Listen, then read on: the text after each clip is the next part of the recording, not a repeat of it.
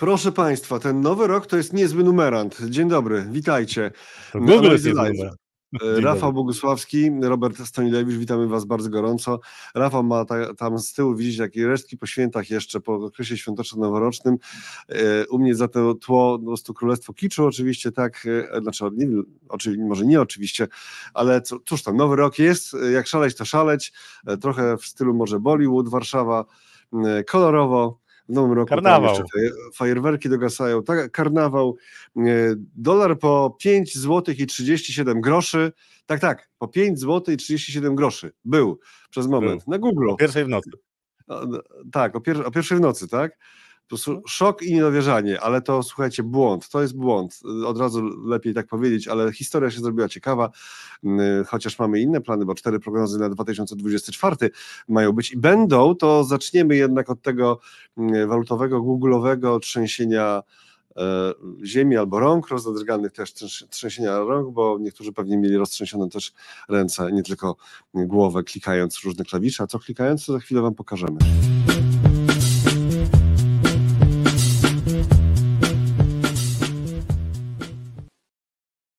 Ale najpierw, proszę, proszę Państwa, drodzy, drodzy i drogie, e, to najpierw e, minister finansów. Minister finansów tweet sprzed tam 10 godzin piszą tutaj, tak? Temu. To ile? To, to, to w nocy jakoś było. W nocy. Zdecydowanie w nocy. No właśnie. Spokojnie ten kurs złotego, który sieje panikę, to fake, błąd źródła danych. Za chwilę otworzą się rynki w Azji i sytuacja wróci do normy. Na Bloombergu sytuacja wygląda tak. E, I tutaj był, e, ale coś się tam działo jednak, tak? E, no, A nie, to nie to, to euro, euro. To euro, dobra, okej. Okay. E, ale to e, od razu w naszych komentarzach, jeszcze przed startem, e, to warto było, warto teraz zwrócić uwagę na te komentarze, które pojawiły się właśnie Zdzisław, pisał już o 5.37. A co to było za szaleństwo na walutach wczorajszego wieczora? Paweł K. na to Google się popsuł, ale żeby nasz minister musiał tweetować w nowy rok po godzinach pracy? Tak, no właśnie. I Paweł dalej pisze, swoją drogą przerażające, iż minister wie, iż Azja otwiera się pierwsza i wie, co to terminal Bloomberg. Za dużo kompetencji tam jest.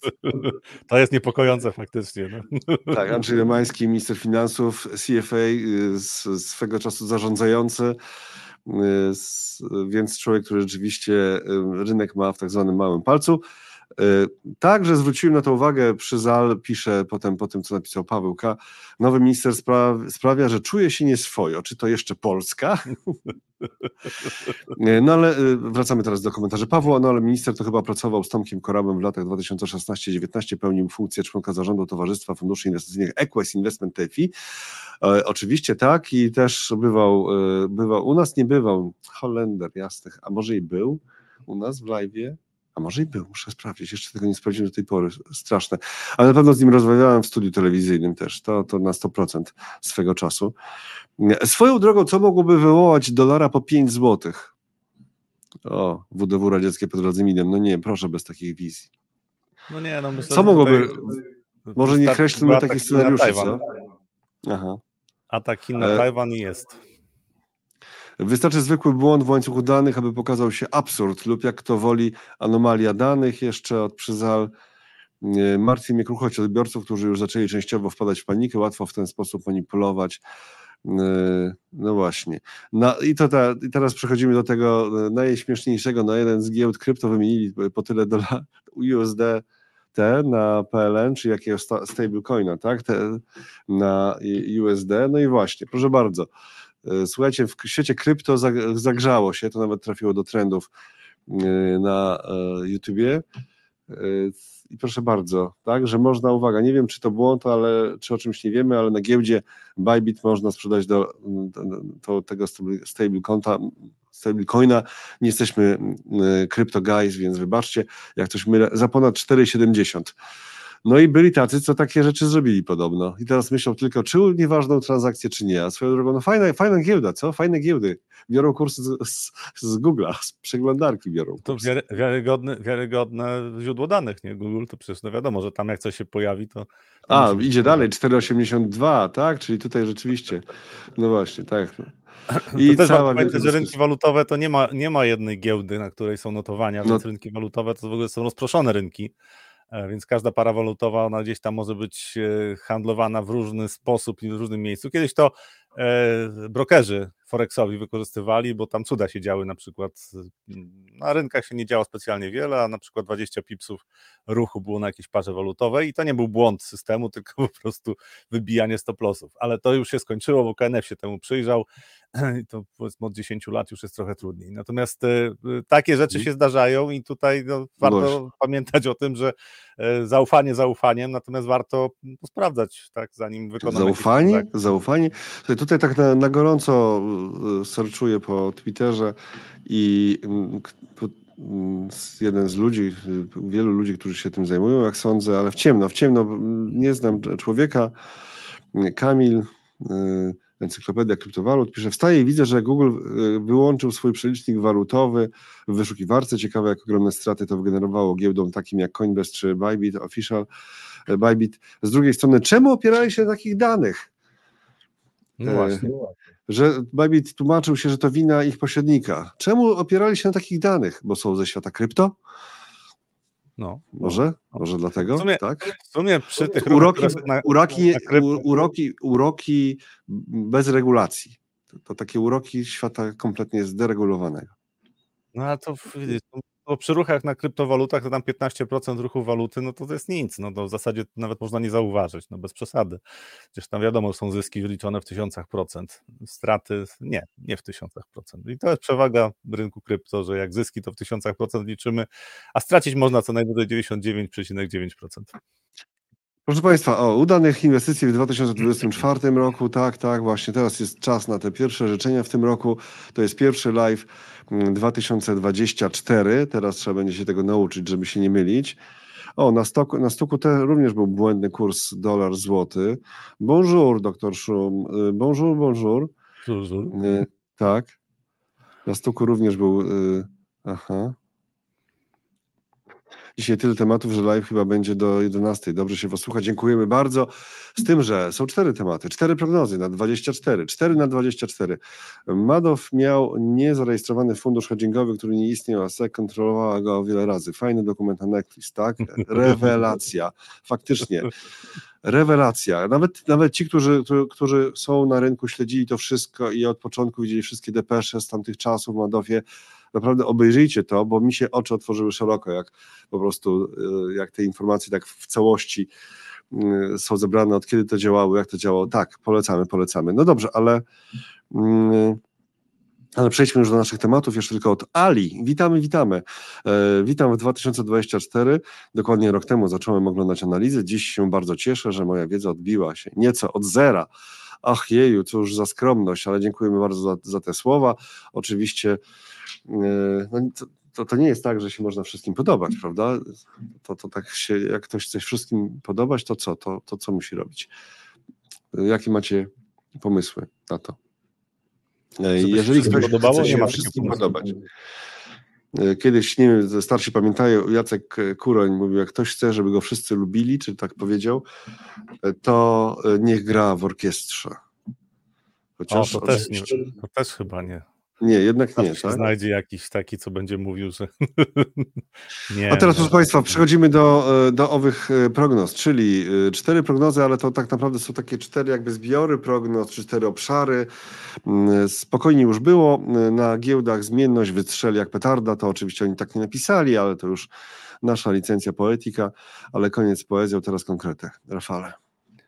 E, no to jest e, JP Morgan, prognoza, e, to też z dużych banków inwestycyjnych amerykańskich, to oni są najbardziej pesymistyczni, jeżeli chodzi o indeks SP500, czyli giełdę amerykańską generalnie.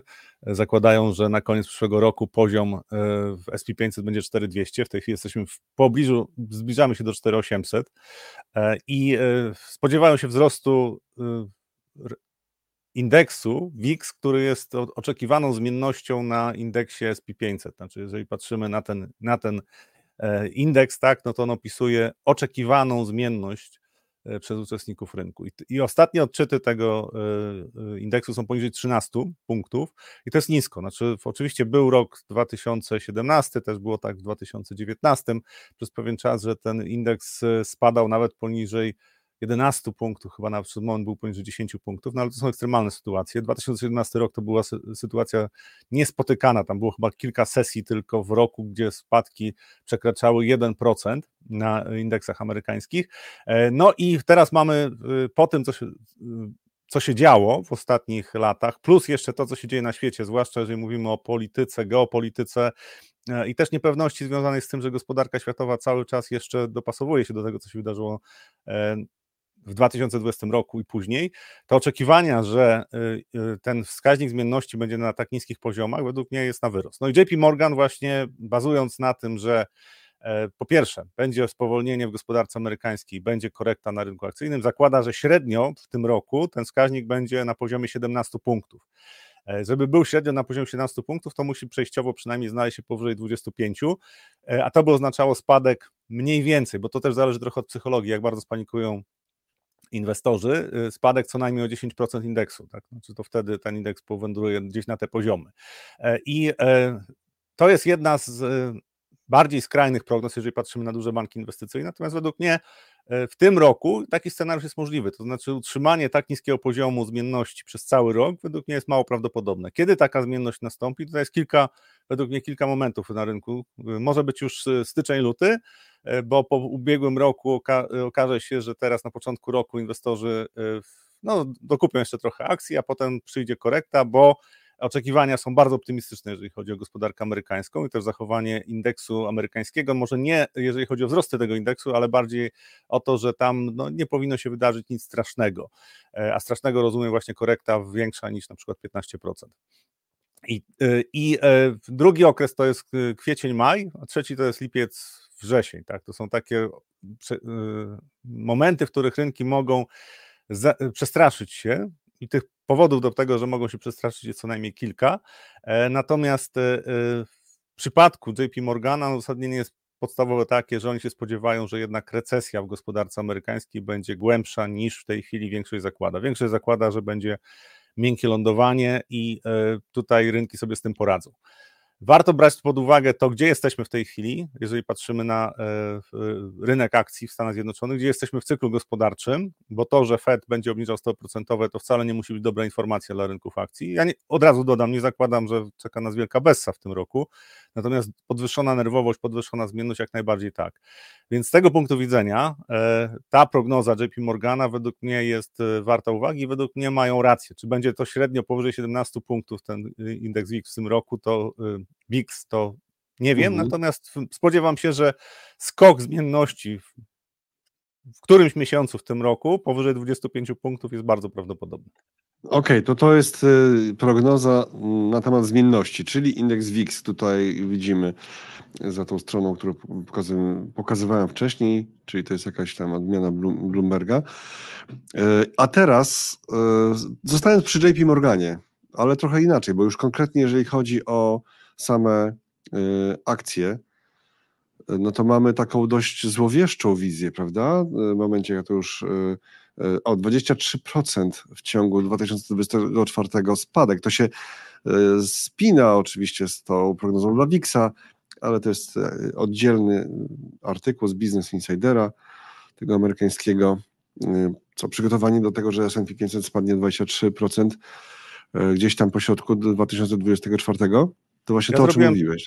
Ja mhm. zrobiłem przegląd y, prognoz ja wiem, 500. Tak, tak, mhm, ale mam ten przegląd jeszcze oddzielnie, tak? Ale proszę bardzo. Tak, mhm. natomiast, natomiast tutaj, e, tutaj no, JP Morgan jest spójny, to znaczy tam w przeciwieństwie do Bank of America na przykład, gdzie i Morgan Stanleya, ale dobrze pamiętam, to tam niektórzy strategzy mają odmienne, odmienne spojrzenia, natomiast tutaj w przypadku JP Morgana większość jednak zakłada, że będą spadki na SP500, to znaczy będzie jakaś korekta e, w ciągu roku, być może Bessa, 23% to już jest Bessa e, i są spójni z tym, to znaczy zakładają, że, e, że takie spadki nastąpią, tutaj to jest mm, guru analizy technicznej, tak? czyli strateg, y, który zajmuje się analizą techniczną e, i mówi, że 23%. Czy to będzie 23%? Pytanie, z jakich poziomów zaczniemy spadać, bo to też e, e, założenie, że już za chwilę się zaczną te spadki, no to jest według mnie zdecydowanie na wyrost. Natomiast JP Morgan faktycznie jest spójny, konsekwentny w tym, że prognozują spadki. I to jest z dużych banków inwestycyjnych, jak powiedziałem, to jest ten najbardziej pesymistyczny większość tych dużych banków inwestycyjnych zakłada, że jednak SP500 wzrośnie, będzie powyżej 5 tysięcy punktów na koniec roku. Natomiast to, co prognozuje JP Morgan, to też nie wyklucza tego, że po prostu przy dużej zmienności na koniec roku indeks wzrośnie, chociaż JP Morgan zakłada, że tam będą spadki. Więc ja bym się przygotował w tym roku na to, że ci, którzy spodziewają się, że będą duże zawirowania na rynkach, mogą mieć rację. Czy spadki będą 23%? Nie wiem. Są też firmy inwestycyjne, nie te największe banki, ale są firmy inwestycyjne, które zakładają, że te spadki nawet będą jeszcze większe, czyli że SP500 znajdzie się poniżej 3,5 tysiąca punktów w ciągu roku. No to już by potrzeba do tego dużej paniki. Czy tak będzie? Ale w wiem, ciągu roku, tak? Ale w ciągu, ciągu roku. To nie znaczy, że roku. na koniec roku, tak? Nie, to... na, znaczy w ogóle podawanie, podawanie poziomów na, e, na koniec roku, tak jak to się zwyczajowo przyjmuje, jest trochę bez sensu. Z punktu widzenia dynamiki rynkowej, to naprawdę mm, to potrzeba bardzo dużego szczęścia, żeby trafić akurat, że na koniec roku będzie jakiś tam poziom. Bo bardziej, bardziej istotne według mnie jest prognozowanie tego, co się może wydarzyć w ciągu roku, czyli na, na, między innymi zakres zmienności. Czy w ciągu roku będziemy na przykład na poziomie 5400 punktów. Notabene, jeżeli mówimy o tych prognozach na przyszły rok, to Jardeni.com, czyli ta firma, a Jardeni Research, tak, to ta firma, której e, danymi często się posiłkuje, oni są z tych liczących się progno, prognostów y, są najbardziej optymistyczni, zakładają, że to będzie 5400 na koniec roku.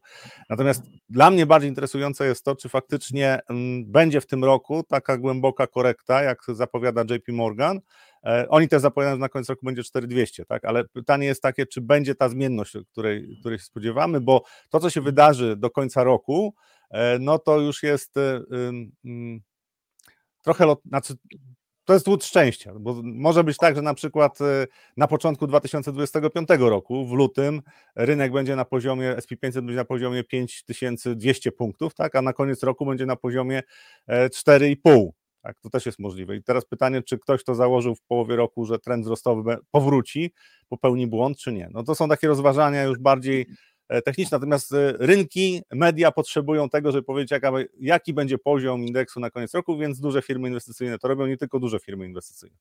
Doktor Szumpiesia kra, kra, kra, a dziś jutro, no to już wiem, co robić, trzeba zrobić dokładnie odwrotnie, jak ten pan prognozuje. To nie, na zdjęciu to nie jest ten pan, ale tak, to, to, to artykuł jest na podstawie tego, co ów pan, czyli Jason Hunter, tak? Tak. E, pisze, i słuchajcie, wyobraźcie sobie, że to była e, prognoza trzecia. A co?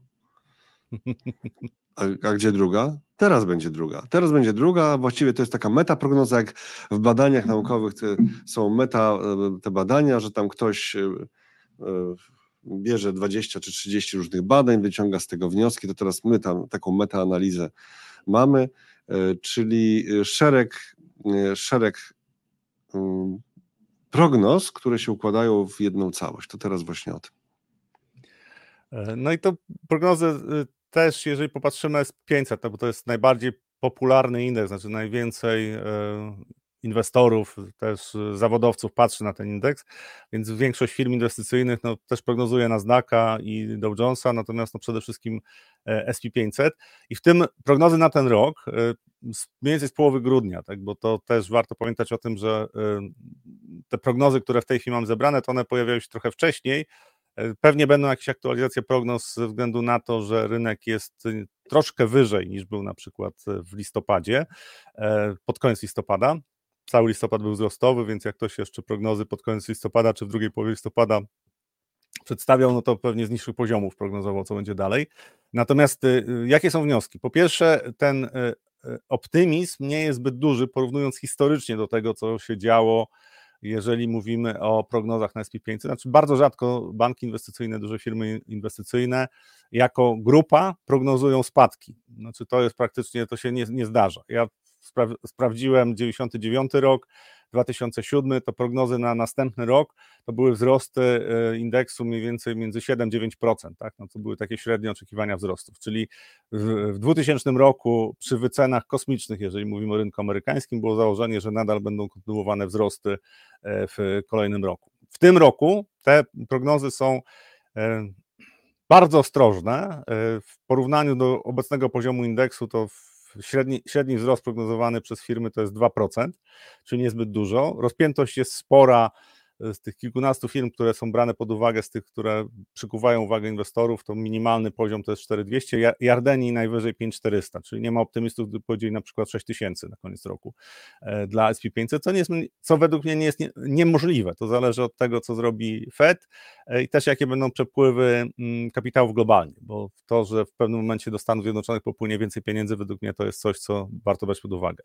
A wnioski e, przy tak mm, ostrożnych prognozach, e, to ja bym się spodziewał, że ten rok może faktycznie zakończyć się na tych poziomach, których oczekują e, inwestorzy, czyli powiedzmy tam powyżej 4800, w okolicach 4900, e, większość tak zakłada, duże banki inwestycyjne 5100, to są taki City, City Group, Deutsche Bank na przykład, to są e, Bank of America 5000 punktów, to są, to są takie poziomy, które są dość popularne, jeżeli patrzymy właśnie na te duże banki inwestycyjne. E, i jeżeli tak rok się zakończy, no to nie będzie zły rok inwestycyjnie, natomiast ja jeszcze raz wrócę do tego, że przygotowałem się na to, nawet jeżeli ktoś zakłada, że te banki inwestycyjne mają rację, a być może nawet będzie optymistyczniej, że w związku z tym, że rynek wycenia w tej chwili miękkie lądowanie, wycenia, że będzie poprawa wyników e, zysków spółek e, amerykańskich i że nie wydarzy się praktycznie nic, co może zaburzyć tę te, te, dobrą koniunkturę e, giełdową, to jeżeli pojawią się jakieś niepokojące informacje, czy z polityki, czy z gospodarki, no to korekta ma przestrzeń do tego, żeby się zrealizować. I też przypomnę, że rok e, wyborczy w Stanach Zjednoczonych historycznie to nie jest zły rok e, dla rynków akcji. W tym roku mamy wybory prezydenckie, tylko że to, co się będzie działo przed wyborami w tym roku, e, to według mnie będzie bardzo wysoki poziom ryzyka politycznego. Jak rynki na to zareagują, nie wiem, ale zakładam, że zwiększy się zmienność ze względu na to, że demokraci, nawet część partii republikańskiej będzie chciała nie dopuścić Trumpa do kandydowania e, w wyborach prezydenckich. I tutaj może się zacząć już naprawdę dużo dziać latem, e, kiedy będą e, prawybory, tak? I, i mm, demokraci, republikanie, republikanie, potem demokraci mają prawybory, republikańskie prawybory w lipcu, jak dobrze pamiętam, i tutaj też może już być nerwowo, bo jeżeli będą próbowali nie dopuścić Trumpa do wyborów, to e, rozruchy w Stanach Zjednoczonych, e, to ten 6 stycznia po wyborach w 2020 roku, czyli 6 stycznia 2021, to będzie takim małym ożywieniem społeczności popierającej Trumpa. Tutaj może być naprawdę ostro. I to są rzeczy, na które bym zwracał uwagę, natomiast e, patrząc na same rynki, to według mnie hossa w tym roku się nie skończy. Znaczy, patrząc na, na to, co gospodarka amerykańska prezentuje, to w tym roku hossa się nie skończy. Ta hossa w Stanach według mnie potrwa jeszcze może półtora roku, może dwa, i dopiero wtedy przyjdzie takie potężniejsze e, skorygowanie wycen. Pytanie oczywiście to jest też ryzyko, że Fed może mm, chcieć za wszelką cenę zdusić inflację, i gdyby okazało się, że nie będzie podnosił, że nie będzie obniżał stóp procentowych, e, będą jedno, dwie obniżki stóp procentowych i potem nie będą obniżali stóp procentowych, e, to dla rynku w pewnym momencie będzie bardzo poważny problem. Znaczy i tak będzie już problem według mnie w tej chwili, ze względu na to, że te stopy procentowe są na wysokim poziomie i gospodarka dopiero w tej chwili zacznie to odczuwać, co Fed zrobił wcześniej, ale gdyby nie chciał obniżyć stóp procentowych i nie chciałby wesprzeć e, rynków akcyjnych, to wtedy większe problemy mhm. na rynku akcji są możliwe. Potrzymam Cię trochę przy tym zestawieniu, potrzymam Cię przy tej prognozie. To jest prognoza druga e, w naszej kolejności dzisiaj zupełnie jakoś poprzewracanej, bo pierwsza i trzecia już były, to jest druga e, i to jest ta, ta meta prognoza, czyli mamy tutaj wiele różnych propozycji na temat tego, co się może dziać z najważniejszym indeksem amerykańskich giełd, czyli najważniejszym indeksem na świecie de facto. I jak widzimy taki Bank of America, który daje 5 tysięcy a S&P 500 jest 4769, no to wzrost mizerny, tak? Mizerny. No mizerny, no średnio no wychodzi właśnie. 2%, więc to e, mówię, że historycznie, historycznie to zazwyczaj to było powyżej 5%. Taki ulubiony poziom prognozowanego wzrostu indeksu przez banki inwestycyjne to jest między 5 a 10%. Znaczy nie ma takich odważnych, którzy by zakładali, że tam wzrosty będą powyżej 20%, a spadków nie e, prognozuje się ze względu na to, że to się nie opłaca. E, więc JP Morgan, jeżeli coś mhm. takiego robi, no to no warto, warto to wziąć pod uwagę, bo, bo to może być coś. Tu wracasz co... do poprzedniego, tu wracasz do tego poprzedniego tematu. Tak, no ale tak? tutaj tego... też masz JP Morgana, tak? Mhm. Tutaj też JP Morgan w tym zestawieniu jest. Jak patrzymy, jest Wells Fargo 4650. No tak, JP Morgan 4200. Y, JP Morgan 4200, czyli tak. niżej niż. Yy Morgan Stanley to chyba też, bo tam też ja czytam różne komentarze, różne tak zwane insighty, tak, czyli to, co udostępniają te banki inwestycyjne i jakby różnice w postrzeganiu rynku przez pracowników tego samego banku, tak, strategów czy zarządzających są dość duże. Więc ta prognoza Morgan Stanleya też jest ciekawa, bo według mnie to jest jakaś średnia wypadkowa e, z mhm. tego, co się pojawia w komentarzach różnych analityków ze strony tego banku. Więc sytuacja też to pokazuje, że po pierwsze, ci ludzie boją się postawić jakichś bardziej zdecydowanych prognoz.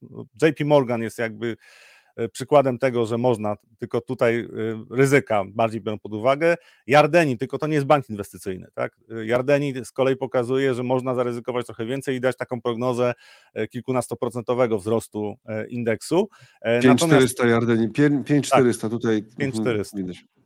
Natomiast mhm. e, tutaj uzasadnieniem tego, dlaczego takie prognozy są, jest też to, że e, i to w wielu, wielu prognozach jest podkreślane, że jest jednak duży poziom niepewności. To znaczy bardzo e, dużo elementów układanki, którą bierze się pod uwagę, budując takie prognozy, może się zmienić. No I teraz po kolei. Pierwsza taka prognoza dotyczy tego, ile Fed będzie miał obniżek stóp procentowych. Tak, rynek wycenia, że to będzie między 5 a 7, zależy, które instrumenty weźmiemy. E, natomiast Fed mówi, że będą trzy obniżki stóp w tym roku. To już powoduje, że e, niepewność dotycząca tego, na jakich poziomach będą, e, będzie koszt finansowania chociażby spółek, no to już jest jeden z elementów, który warto wziąć pod uwagę. Drugie, sytuacja polityczna, geopolityczna na świecie. Bliski Wschód, Rosja z Ukrainą, Chiny. Nie sądzę, żeby jeszcze w tym roku Chiny zdecydowały się na atak na Tajwan. Zresztą to nie jest w tej chwili opcja dla nich bardzo kusząca, natomiast to jest coś, co e, w ogóle geopolityka jest czymś, co według mnie będzie miało bardzo duży wpływ na to, jak będą rynki się zachowywać w ciągu roku. To znaczy, tych e, zagrożeń jest wystarczająco dużo, żeby okazało się, że któreś z nich spowoduje, że na rynkach pojawi się jakiś moment mm, paniki, może większego strachu. Kolejny element układanki, już o tym wspomniałem, wybory prezydenckie w Stanach Zjednoczonych. I tutaj e, według mnie ten rok w polityce amerykańskiej będzie e, trochę z piekła rodem, to znaczy to, co się będzie działo tam, to mm, no, będzie przypominało pewnie to, co się dzieje w tej chwili w Polsce, to znaczy tam e, temperatura polityczna bardzo mocno wzrośnie i to spodziewam się, że, że to też będzie się odbijało na to, jak będą postrzegane e, bardziej ryzykowne aktywa. E, kolejny, e, kolejny punkt programu to jest to, że rynki w tej chwili jednak skłaniają się do miękkiego, e, scenariusza miękkiego lądowania w Stanach Zjednoczonych. Czy to będzie zrealizowane? Nie wiem. Może się okazać, że nie będzie. Natomiast pytanie jest znowu, jeżeli okaże się, że nie ma miękkiego lądowania w Stanach Zjednoczonych, no to wtedy pewnie rentowności obligacji pospadają, 100% pospadają, ale czy to będzie dobrze dla rynku akcji? Raczej nie. Natomiast jeżeli okaże się, że jest miękkie lądowanie, a gospodarka jest silna, to prawdopodobnie odbije inflacja i wtedy inwestorzy mogą się przestraszyć, że Fed jednak nie będzie obniżał stóp procentowych. Więc powodów do e, nerwowości na rynkach jest dość e, dużo i większość tych prognoz jest, e, jak, się czyta, tak, bo ja nie wszystkie, ale powiedzmy połowę z nich przeczytałem, to większość tam właśnie podkreśla, że pomijając czarne łabędzie, czyli to, czego w ogóle się nie spodziewamy, to nawet to, co wiemy, jest na tyle niepewne, że tutaj e, no, trzeba podać jakąś prognozę na koniec roku, natomiast czy to się zrealizuje, no to nawet sami autorzy nie są przekonani, czy tak będzie. Do tego dorzucimy jeszcze, żeby nie było tak prosto, tak? E, jak, jakby było za prosto, to jeszcze dorzucimy jeden aspekt i problemy z tym, że ta długa, długa hosta w Stanach na S&P 500 zderza się ze ścianą wycen. E, tak, to jest, e, to jest w ogóle. Znaczy, coś, biegnie w kierunku, biegnie w kierunku, jeszcze się nie zdarza, ale biegnie w kierunku ściany wycen, tak? Dobrze to zinterpretowałem? Tak, tak. I to tylko jest... z Bloomberga. Dla tych, którzy tylko słuchają, teraz pokazujemy e, tekst z Bloomberga. Przy obecnych poziomach SP500 i prognozach na 12 miesięcy dla amerykańskiego rynku akcji, to SP500 jest wyceniany wskaźnik PDE powyżej 19, 19,4 to FactSet podaje taką informację. I to jest powyżej średniej z 5 lat, która wynosi e, czy 10 lat, 17,7. Tak, historycznie to są dość wysokie poziomy, natomiast e, wycen. Natomiast to nie, oczywiście nie oznacza, że tutaj te wzrosty nie mogą trwać dalej. E, natomiast im wyżej rynek pójdzie, w, wyceny pójdą wyżej, tym większe jest ryzyko tego, że w pewnym momencie zostanie to skorygowane, zwłaszcza ze względu na to, że inwestycje wolne od ryzyka, tak zwane, czyli krótkoterminowe papiery e, skarbowe albo rynek e, depozytów, chociaż w Stanach Zjednoczonych to nie jest tak oczywiste, ale powiedzmy krótkoterminowe papiery e, skarbowe dają stopę zwrotu na poziomie 5%, powyżej 5%. I to jest konkurencja. Tak? Jeżeli, jeżeli mam inwestować z dużym poziomem niepewności na rynku akcyjnym i oczekiwana stopa zwrotu powiedzmy będzie wynosiła 5%, no to może lepiej zainwestować bez ryzyka i też mieć 5%. I to jest coś, co też jest według mnie istotne z punktu widzenia wycen, zwłaszcza tutaj te największe siedem firm, czyli Magnificent Seven, największe firmy, one są wycenione zdecydowanie powyżej średniej rynkowej i średnich historycznych i to jest coś, co stanowi duże zagrożenie dla indeksu według mnie. To znaczy tutaj e, realizacja na przykład scenariusza twardego lądowania, to dla tych spółek będzie problem, też prawdopodobnie podnieś, utrzymanie stóp procentowych przez dłuższy czas też może być problemem, więc to, to są rzeczy, które e, przy obecnych wycenach Stanów Zjednoczonych dla rynku amerykańskiego to jest coś, co e, faktycznie może utrudnić dalsze wzrosty. Natomiast e, warto pamiętać o tym, że w, historii giełdy amerykańskiej były takie momenty, kiedy wyceny dochodziły do znacznie wyższych poziomów niż obecnie, na przykład początek 2000 roku i tam te wzrosty mogły trwać pomimo tego, że większość zakładała, że są niemożliwe. Znaczy, że to, co się dzieje na tym rynku jest y, niemożliwe, chociaż ze względu na politykę Fedu, która była wtedy prowadzona, czyli zaostrzanie polityki monetarnej. W tej chwili jesteśmy w podobnej sytuacji, jeżeli chodzi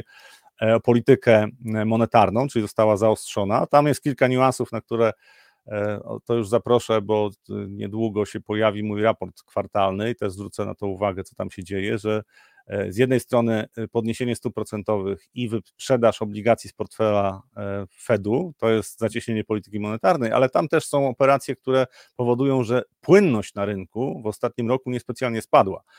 To też pomaga hoście. Natomiast jak poskładamy te wyceny, plus to, że Fed w pewnym momencie może jednak już nie być w stanie zwiększać płynności na rynku, no to nerwowe reakcje przy tych poziomach wycen są bardzo prawdopodobne. To zresztą zwracają, na to zwracają uwagę między innymi JP Morgan, tak? czyli te firmy, które zakładają, że y, będą spadki na rynku amerykańskim, że rynek w tej chwili w Stanach Zjednoczonych jest podatny na to, żeby mm, mm, przy niezrealizowaniu tych pozytywnych scenariuszy zareagować nerwowo. I oni zakładają, że po prostu któryś z tych elementów układanki y, nie, nie zrealizuje się ten pozytywny scenariusz i po prostu przyjdzie y, głębsza korekta.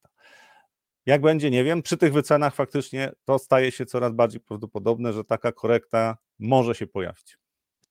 Taka informacja techniczna, zapisanie Ukraina to nie nasza wojna e, blokuje e, użytkowników na tym kanale, więc sorry, oczywiście możemy rozmawiać e, o różnych aspektach, ale, ale w sposób nie tak wprost odzorowujący rosyjską propagandę, dobra? No bo jeżeli, ja rozumiem, że ludzie mogą mieć inne problemy, ale bez takiej agitacji, przepraszam, może stracimy tutaj parę osób. Wybaczcie, no ale są takie miejsca, kiedy trzeba to w to wejść. Taki komentarz się właśnie po, pojawił. Niestety musiałem dokonać tego, czego dokonałem. Więc też gdyby ktoś potem pisał gdzieś w komentarzach, o tu kasują komentarze, no to czasami kasują. Tak, czasami kasują. Yy, no dobrze, to yy, po tym ekscesie, yy, przepraszam wszystkich za to, że to powiedziałem głośno, też nie chciałem niedomówień, żeby ktoś się tam dziwił, że coś zniknęło. Czyli mamy już chyba ten aspekt opracowany na wiele sposobów, jeżeli chodzi o to, co się z S&P 500, bo to wszystko było wokół tego. Ale teraz prognoza czwarta w kolejności była druga, to teraz czwarta.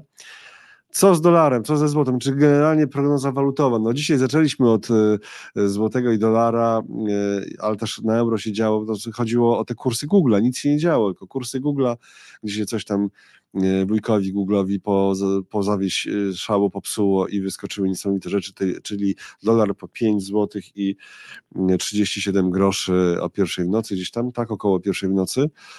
E, szaleństwo. Na giełdzie, pewnej giełdzie kryptowalutowej sobie ludzie wymieniali, e, oddawali dolary po, takie, po takich cenach, o czego ślady są bardzo wyraźne na Twitterze, dyskusja na ten temat. Rzeczywiście działy się przedziwne rzeczy. Minister finansów nawet w nocy pisał tweeta na ten temat, uspokajając, że e, widać po notowaniach na Bloombergu, że to absolutnie jest jakiś błąd systemu Google'owego, co też spotkało się z takimi komentarzami, które, o których mówiliśmy na początku samego programu, że część naszych widzów, że niektórzy z naszych widzów są przejęci i wstrząśnięci tym, że minister finansów e, wie, że rynki azjatyckie startują pierwsze i e, ma dostęp do Bloomberga, czy wie, że coś takiego w ogóle istnieje. Ktoś napisał nadmiar kompetencji. To nie, to, to, to dziwne. To, czy to jeszcze Polska? Taki też komentarz. Okej, okay, PMI jest słabo dzisiaj już na czerwono, w sensie, że giełda na czerwono to Paweł rzucił, ale my właśnie do tego wątku walutowego. Prognoza czwarta, co z dolarem, co ze złotym. E, I złoty zależy od dolara, bo dolar e, ostatnie miesiące zachowuje się dość słabo, zwłaszcza listopad pokazał, co się dzieje, jak jest risk on na rynkach, czyli dolar się osłabił. W tej chwili prognozy na przyszły rok e, są mm, pesymistyczne dla dolara. Oczywiście to mówię o średniej, natomiast bardzo często, jeżeli popatrzymy na parę euro-dolar, to pojawia się poziom, po, pojawiają się poziomy 1,15, mm, 1,18 na koniec przyszłego roku. I znowu E, tutaj e, ten koniec przyszłego roku, czyli za 12 miesięcy, jaki będzie poziom, to no, no, można w lotto zagrać, e, naprawdę, to, to, to nie ma specjalnego sensu. Natomiast jakie są argumenty za tym, że dolar może się osłabiać nadal?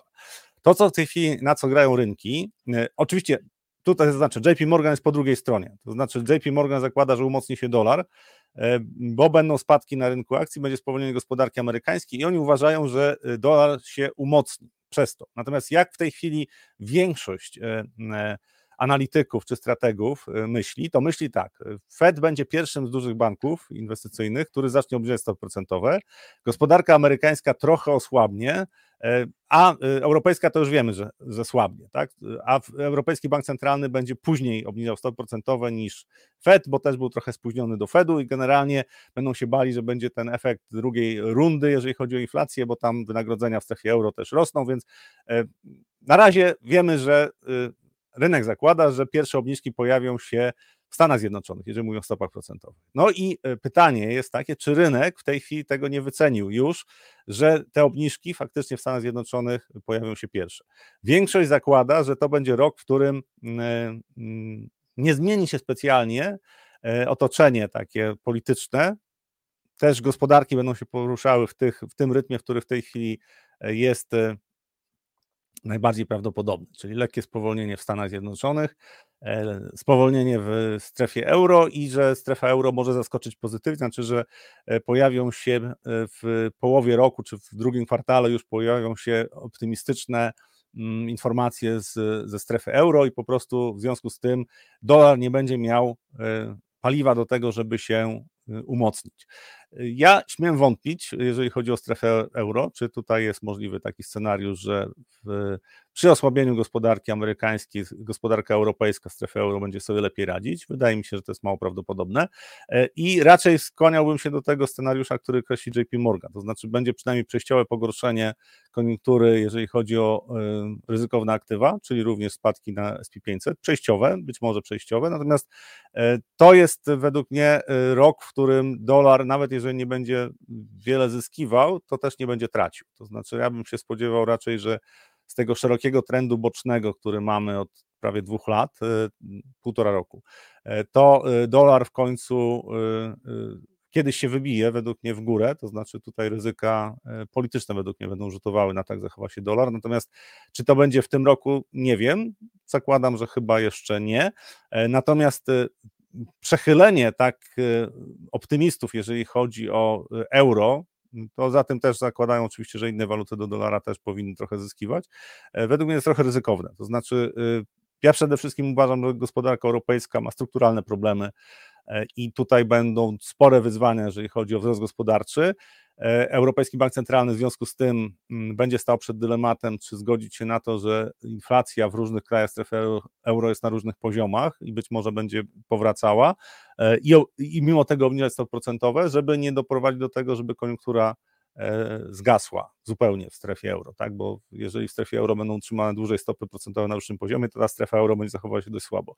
Więc zbierając wszystkie te argumenty, które, które są w tej chwili wśród uczestników rynku, czyli tych, którzy prognozują, i ci, większość zakłada, że to będzie rok, który będzie sprzyjał osłabieniu euro. Ja uważam, że to będzie rok, który będzie sprzyjał raczej umocnieniu dolara i po drodze będziemy mieli jakąś też gwałtowną, gwałtowną wyprzedaż, jeżeli chodzi o inne waluty w stosunku do dolara. Kiedy ona nastąpi, to jest trudno powiedzieć, natomiast prawdopodobnie też nie, nie będzie to rok przełomu, jeżeli chodzi o o dolara, czyli nie będzie to powrót do wielkiego trendu wzrostowego.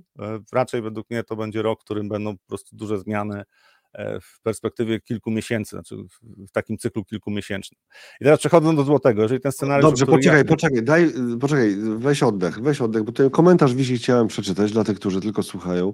E, Paweł K. pisze, nieważne w co się, e, co się pisze, tylko w co się wkłada pieniądze. To a propos właśnie tych prognoz dolarowych, jak rozumiem, a tu jeszcze wcześniej przy jak dolar był prawie po 5 zł, pisałem tu na kanale, że będzie poniżej 4 zł, wtedy wydawało się abstrakcyjne. 400 ponad osób jest z nami. Teraz mam prośbę, napiszcie cokolwiek e, ten jeden raz, ten, ten cokolwiek, możecie słowo cokolwiek napisać, dajcie znać, bo oczywiście mamy tu stałą grupę takich aktywnych bardzo widzów, którzy też komentują. E, rozumiem, że nie każdy chce się odkrywać, bo może ma na przykład konto na YouTubie pod nazwiskiem, e, niekoniecznie chce pokazywać, ale też wiele osób ma konta na YouTubie z jakimś nikiem, więc dajcie, dajcie teraz coś. Hello, machnijcie, no właśnie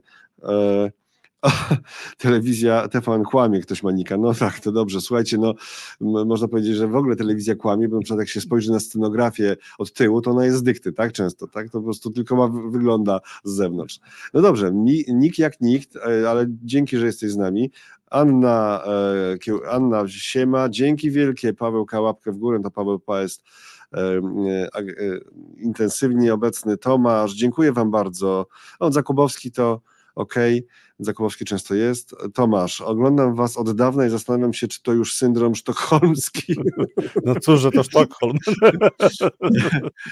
I cu, tak, i cóż, że, że ze Szwecji, ale my, hmm, czujesz się porwany przez nas, tak? I nawet rozumiem, czujesz się zakładnikiem, super. Mówisz i masz, super, dzięki Zbigniew, super, cieszę się.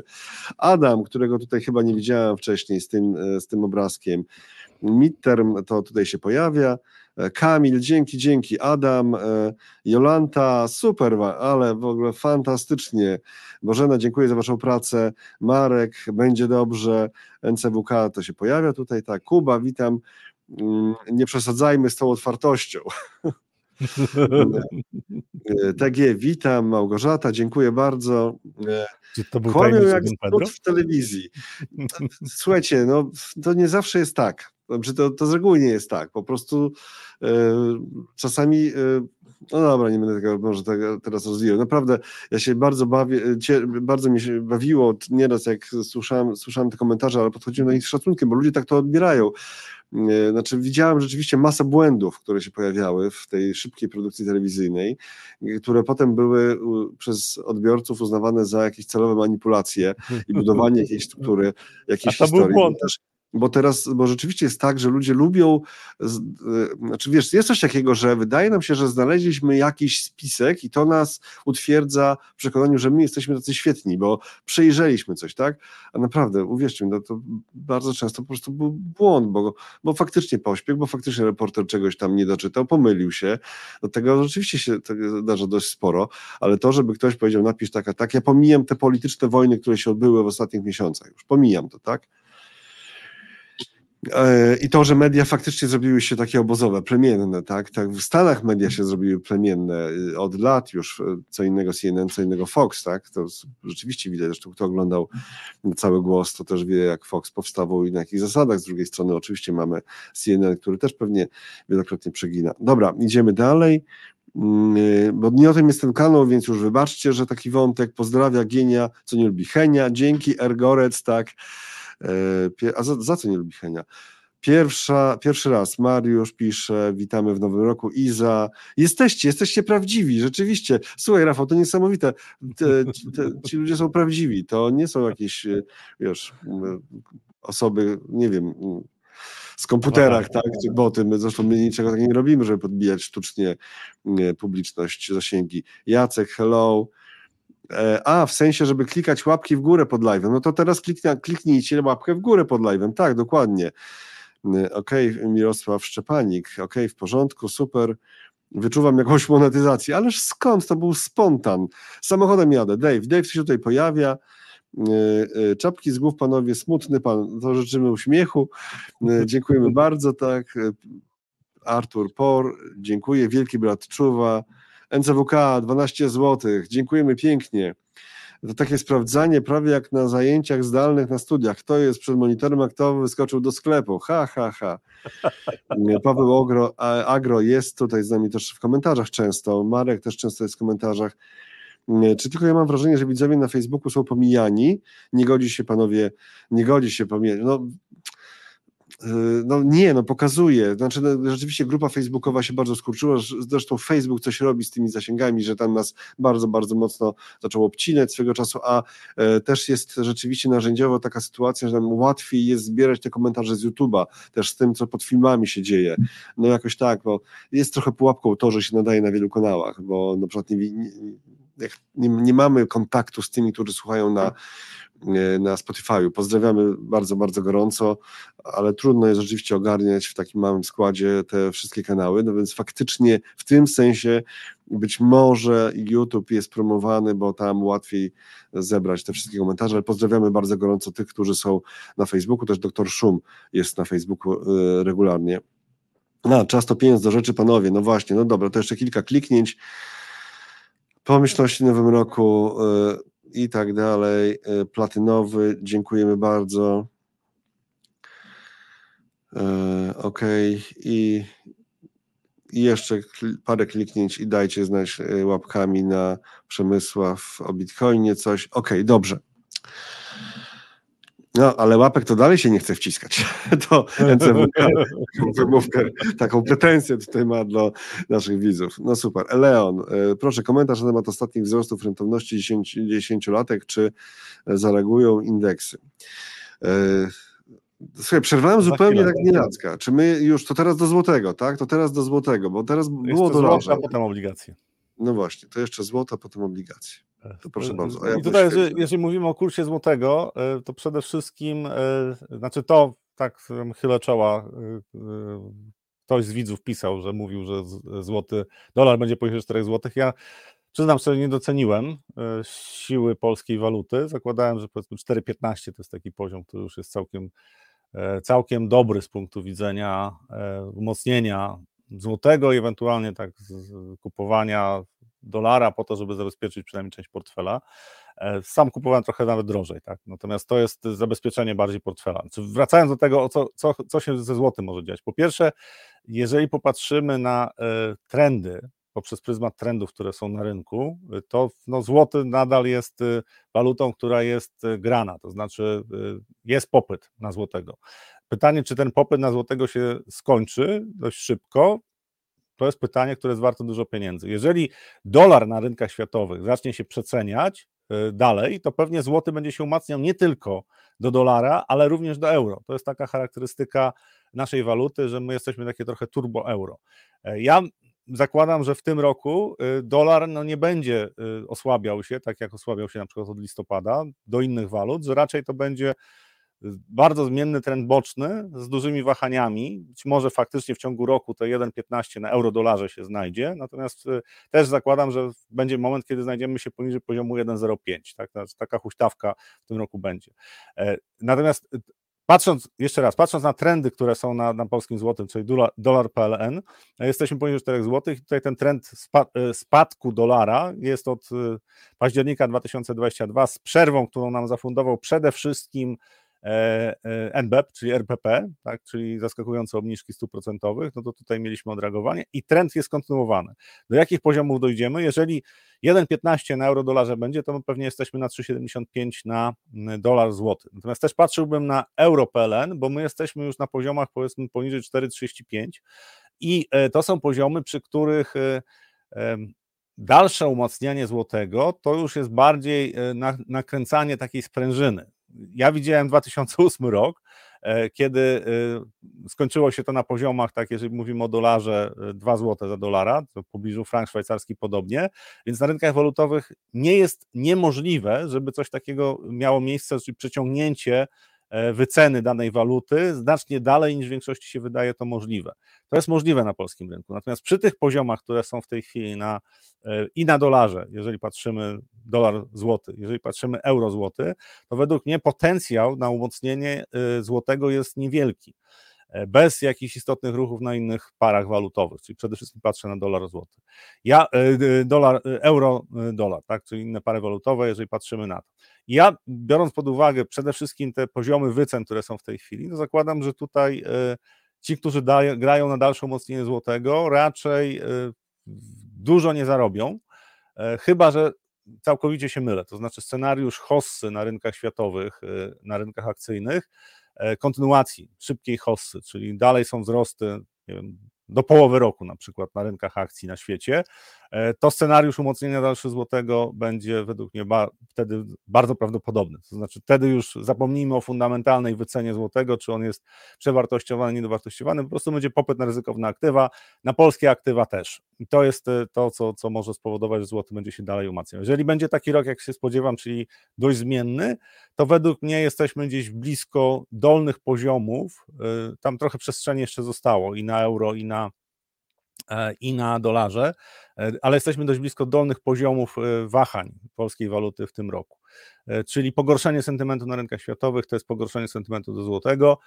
I warto o tym pamiętać, że polski złoty przede wszystkim zależy od sentymentu na rynkach światowych, y, też do naszego regionu. To, że węgierska giełda jest prawie tak samo dobra jak nasza giełda, jeżeli patrzymy na stopy zwrotu za ubiegły rok, e, to nie jest przypadek. Po prostu popłynął kapitał tutaj e, do naszego regionu i, i tak, to się, tak to się odbyło. No, po prostu w ten sposób e, zareagowały mm, mm, waluty, bo był duży napływ kapitału.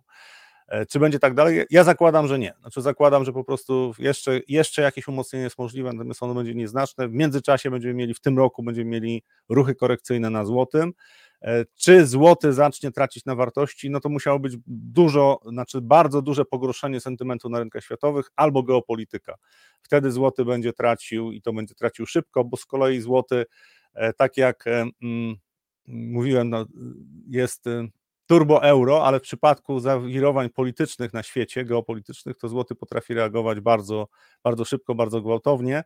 E, to też wynika z tego, że polska, polska gospodarka, e, złoty jest w zasadzie tutaj z regionu Europy Środkowej, to jest najbardziej płynna waluta. Znaczy Czechy e, czy Węgry to nie są, to nie są rynki, które mogą przyjąć wystarczająco dużo kapitału. Więc zmienność na rynkach światowych to jest też zmienność na polskim złotym. 465 osób teraz z nami. Dziękujemy pięknie za to, że jesteście.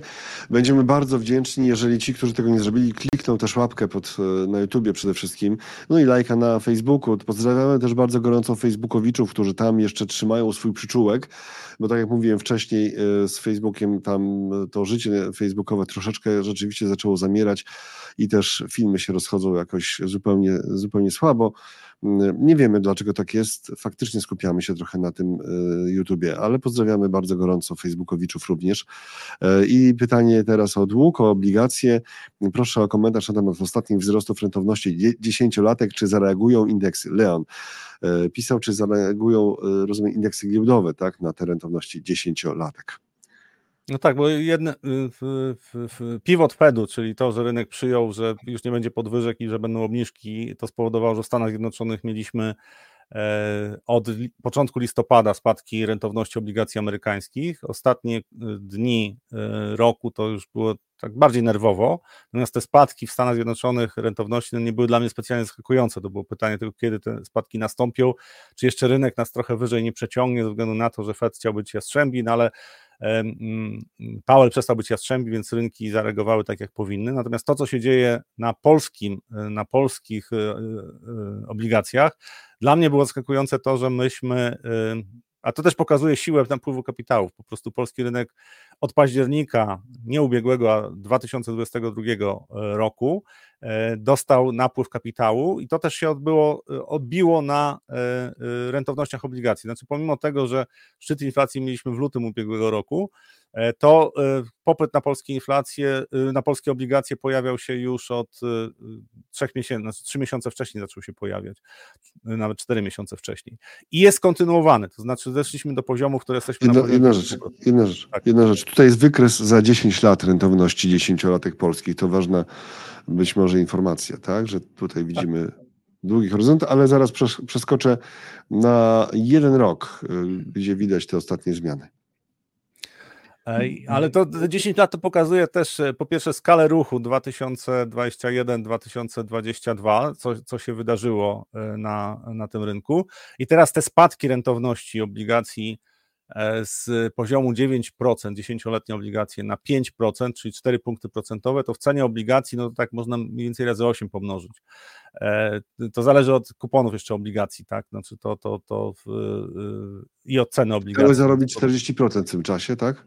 Mniej, mniej więcej, no powiedzmy tam 30, 30 kilka procent powinno, powinny dać zarobić być może na trochę więcej, samego ruchu ceny, plus jeszcze odsetki, tak, to, to jest coś, e, co e, warto brać pod uwagę, jak, e, jak mm, ten rynek reagował. Ja zakładałem, że 5% jest nie do osiągnięcia w, w ubiegłym roku i to jest, znowu nie doceniłem siły napływu kapitału, bo według mnie warunki fundamentalne do tego, żeby w Polsce stopy procentowe w perspektywie następnych dwóch lat zeszły do poziomu na przykład 3% są niewielkie, to znaczy y, inflacja będzie za chwilę y, ponownie problemem mhm. i ten czas duszenia inflacji będzie dość odległy w czasie. Ale jesteśmy tu, gdzie jesteśmy i teraz te, to, co się wydarzyło w tym roku, to, to widać, że były dwie, mm, mm, dwie próby zanegowania tego trendu spadku rentowności, czyli to był luty, początek marca e, i potem mieliśmy jeszcze lipiec, y,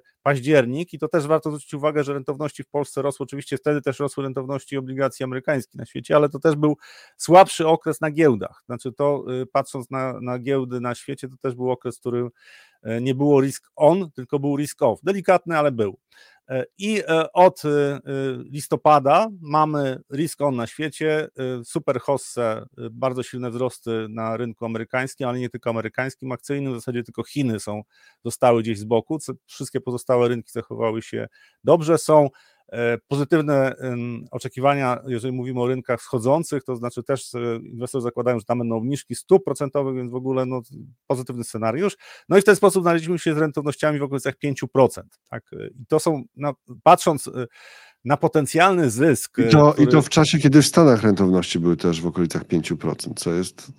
Tak, prawda? znaczy Nie? rentowności. To. Znaczy te, te 5% wiem, czy... u nas to już było wtedy, jak w Stanach dziesięcioletnie obligacje już też spadły do 4%, tak? To nie było tak, że my mieliśmy w tym samym Że to w tym samym momencie, ale tak, ale to, że w tym jednak w tych, w tych miesiącach amerykańskie obligacje, polskie obligacje y, miały zbliżoną rentowność, nie mówię, że w tym samym momencie, to też jednak pokazuje, że coś tu się wydarzyło. To się wydarzyło też e, ta różnica pomiędzy rentownościami obligacji amerykańskich i polskich, czyli E, powiedzmy poniżej jednego punktu procentowego, bo to się, to się mniej więcej tak utrzymuje, e, no to według mnie to jest pewna anomalia. To znaczy, patrząc na, na to, jaki mamy poziom inflacji, jakie są ryzyka związane z inwestowaniem w Polsce i jakie są w Stanach Zjednoczonych, no to to jest anomalia. To znaczy, to pokazuje, że siła po prostu przepływu kapitałów jest bardzo duża i to ona kształtuje to, co się dzieje z również z rentownościami obligacji. Bo patrząc tylko z punktu widzenia poziomu inflacji, tego, co robi RPP, co zrobiła chociażby w e, październiku ubiegłego roku, we wrześniu w październiku ubiegłego roku, e, to przesłanek do takiego e, umocnienia obligacji, czyli spadku rentowności, według mnie nie ma. Natomiast rynek reaguje ze względu na to, że jest risk na świecie. Jak pogorszy się sentyment do inwestowania w ryzykowne aktywa, to bez względu na to, co się będzie działo z inflacją w Polsce, to polskie obligacje, 10-letnich obligacji pójdą w górę. Czy na trwałe? Nie wiem. Natomiast y, brałbym pod uwagę ten scenariusz znowu dla polskiej obligacji w tym roku, że e, poziom 5% rentowności to jest naprawdę bardzo niski poziom. To znaczy, ja wiem, że jest sporo oczekiwań, między innymi analitycy PKO SA mówią, e, ekonomiści z PKO SA, mówią o tym, że to będzie y, bardzo szybka dezinflacja w Polsce, więc to będzie świetny rok obligacji. Zresztą też Chociażby Sebastian Buczek o tym mówił, że to będzie rok obligacji i ja mam wątpliwości, czy akurat długoterminowe obligacje faktycznie dadzą zarobić tyle, ile e, wielu analityków e, zakłada. I mówię o Polsce i o Stanach Zjednoczonych, bo poziomy, na których jesteśmy, one są naprawdę niskie. Znaczy w Stanach Zjednoczonych ja zakładałem, że rentowności dziesięcioletnich obligacji mogą spaść do poziomu 3,70, jeżeli spadną poniżej, E, to jest bonus. To znaczy tam po prostu już im niżej, tym mniejsze prawdopodobieństwo, że ja cokolwiek e, więcej zarobię dzięki temu, że zainwestuję w takie e, papiery. Bo warto pamiętać o tym, że mamy cały czas i w Polsce, i w Stanach odwróconą krzywą rentowności, czyli krótkoterminowe papiery dają zarobić więcej obecnie niż długoterminowe, więc Pytanie, to jest kolei wykres dziesięcioletnich obligacji amerykańskich. Pytanie, czy te 3,80, które już się pojawiło na obligacjach amerykańskich, to nie jest poziom, przy którym trzeba brać zyski.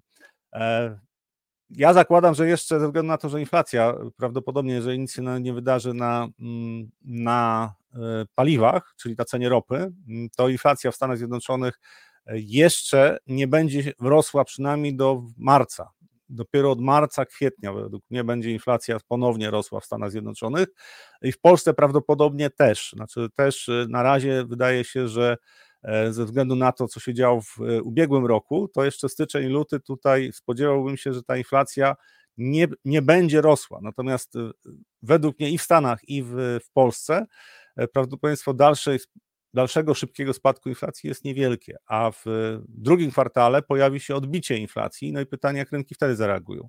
Co będzie na koniec roku, to według mnie jest e, loteria, to znaczy po drodze może się wydarzyć bardzo dużo rzeczy, zarówno z cenami surowców, notabene e, Tutaj nie, ma, nie mamy w prognozie na razie o cenach surowców, natomiast ja zakładam, że e, my jesteśmy w długoterminowym cyklu wzrostu cen surowców, w tym również paliw, czyli też ropy naftowej, czy w tym roku ten, ten proces już będzie, e, czy wzrost cen surowców generalnie będzie kontynuowany, czy to będzie dopiero w przyszłym roku, no to na razie patrząc na to, co się dzieje na świecie, to wydaje mi się, że e, surowce rolne mogą być takimi, które, które jako pierwsze pokażą kierunek, chociaż jeżeli by wzrosły ceny ropy naftowej, to też za chwilę może się okazać, że ceny e, żywności na świecie podążają za cenami ropy naftowej, bo ceny ropy naftowej decydują o tym, jakie są koszty produkcji żywności, znaczy bardzo duży udział, jeżeli chodzi o koszty y, produkcji, ma cena paliw.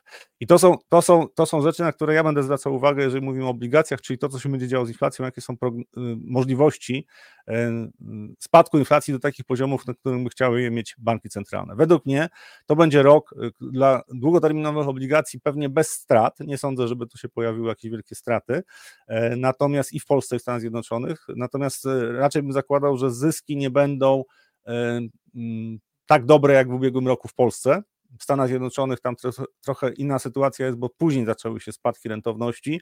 Ten rok miał być y, rokiem kolejnym, trzecim, kiedy y, portfel obligacji długoterminowych nie da zarobić, no ale od listopada sytuacja się poprawiła, więc y, w tej chwili już wiemy, że ten rok zakończył się w, na plus, tak? Tam między 3-4% zależy jaki indeks się weźmie obligacji tych długoterminowych, mniej więcej takie zyski są na, na, na, tym portfelu w skali całego roku.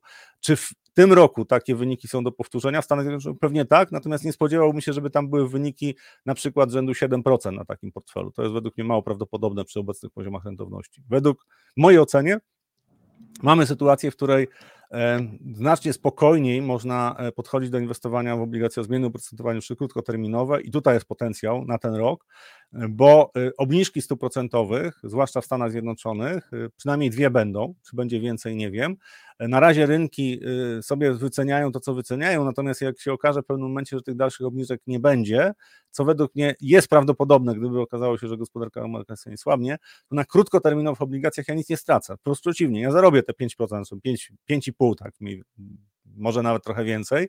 E, natomiast na długoterminowych, jeżeli by się okazało, że FED nie będzie obniżał stóp procentowych, to będzie reakcja w drugą stronę, czyli rentowności pójdą w górę, ceny pospadają. Według mnie to nie będzie rok y, y, super dla obligacji, natomiast to nie będzie też rok fatalny, znaczy powtórka z 2000 2021-2022, zależy, który rynek weźmiemy, tak, ale w Polsce to, to, co się działo do października 2022, to była Bessa, która pewnie już się nie powtórzy. E, to prawdopodobieństwo powtórki takiego scenariusza jest bardzo niskie, natomiast powtórki y, bardzo optymistycznego ubiegłego roku według mnie też nie będzie. Rafale, tutaj Lena pisze, nie jestem zbyt regularnie, dla mnie trochę za późna godzina, e, ale dziękujemy bardzo, dziękujemy bardzo. Będziemy o e. Też większość osób i tak ogląda potem z nagrania. E, tutaj ciekawa sytuacja, tak, chyba się Googlie'owi łapki zepsuły od to, i teraz wcześniejsze komentarze na ten temat. Ja ciągle widzę 6, ja ciągle widzę 3, dziś wyraźnie bez łapek. Otóż drodzy, ja widzę 140, co i tak e, super, ale teraz nas ogląda 456 osób e, na samym e, Google, na samym e, Może YouTubie. ty masz lepsze okulary. Hmm, tak, tak, nowe całkiem. Ja widzę Dokładnie, 19. Ty widzisz 19 łapek, tak? Ale No, ja mam. nie, nie, bo 19 jest na Facebooku, ty widzisz z Facebooka. A żeby A. zobaczyć łapki na.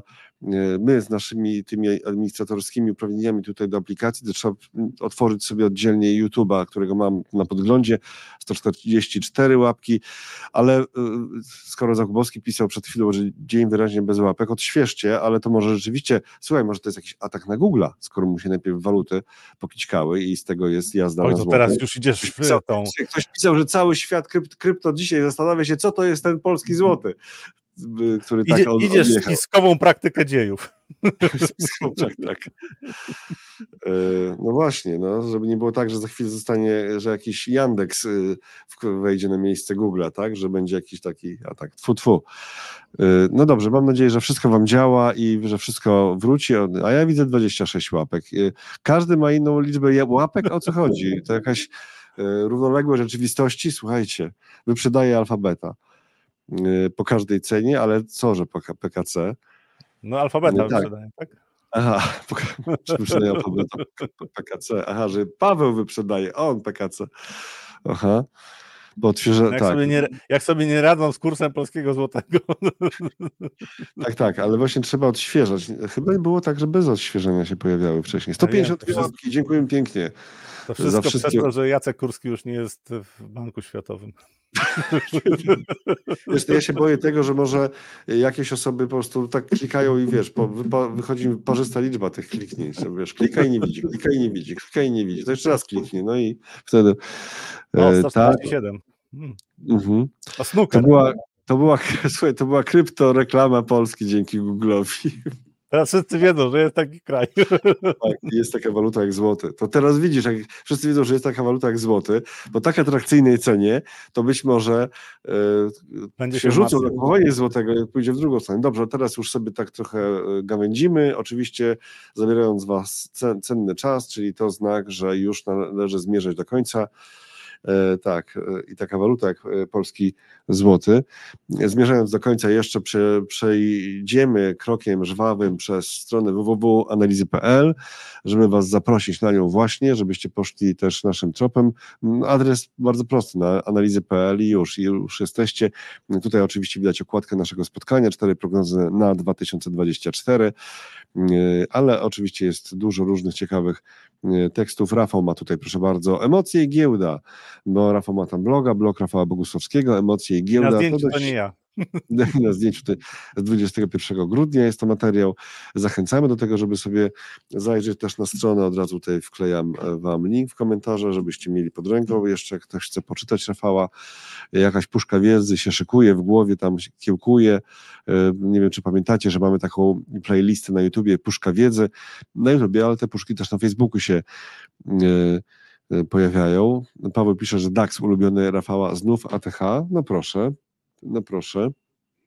E, Co jeszcze na analizach.pl mamy tutaj? O właśnie, jak rozliczyć podatek z funduszy inwestycyjnych? Zmiany od 2004, 20, 2024 roku, e, czyli skoro wejdą w życie od 1 stycznia 2024, czyli za dwu- 2024 według nowych zasad e, będzie trzeba się rozliczyć, tak? Od, e, fundusze od 1 stycznia fundusze nie będą potrącać zryczałtowanego podatku od dochodów kapitałowych przy wypłacie, odkupieniu bądź konwersji osoby fizycznej. E, Też pewnie coś niebawem zrobimy o tym więcej na e, kup funduszu. Tak, tak, za rok, ale już teraz nie będą potrącać zryczałtowanego podatku od dochodów kapitałowych. To o tym między innymi na analizach.pl, www.analizy.pl. To możemy teraz jeszcze to pokazał, skoro tyle słów o tym już zużyłem, tak, proszę bardzo, tutaj Anna Zalewska o tym pisze, link w komentarzach jest. I- A jak tam łapki? A jak tam łapki? Tak? Odświeżamy. Jest tych łapek 156 w tym momencie u mnie. Słuchajcie, to trzymajcie się zdrowo w tym nowym roku. No, Życzymy jest. naprawdę. Żeby był dobry. Dziękuję, że z nami e, jesteście. E, I Do mam nadzieję, że z nami będziecie. Przypomnę też, że było sporo materiałów takich nagranych w ostatnich dniach. Na przykład w sobotę była premiera, w sobotę była premiera e, prognoz od Tomasza Koraba, szefa, szefa Equest Investment TFI. w sobotę. Po raz pierwszy chyba coś takiego się zdarzyło, prawda? Chyba tak. No, premiera No to tak. w sobotę. Słuchajcie, dziękujemy Rozwijamy. pięknie. 9.55 i w ogóle zapominamy, że PMI były słabe i idziemy do przodu i do zobaczenia.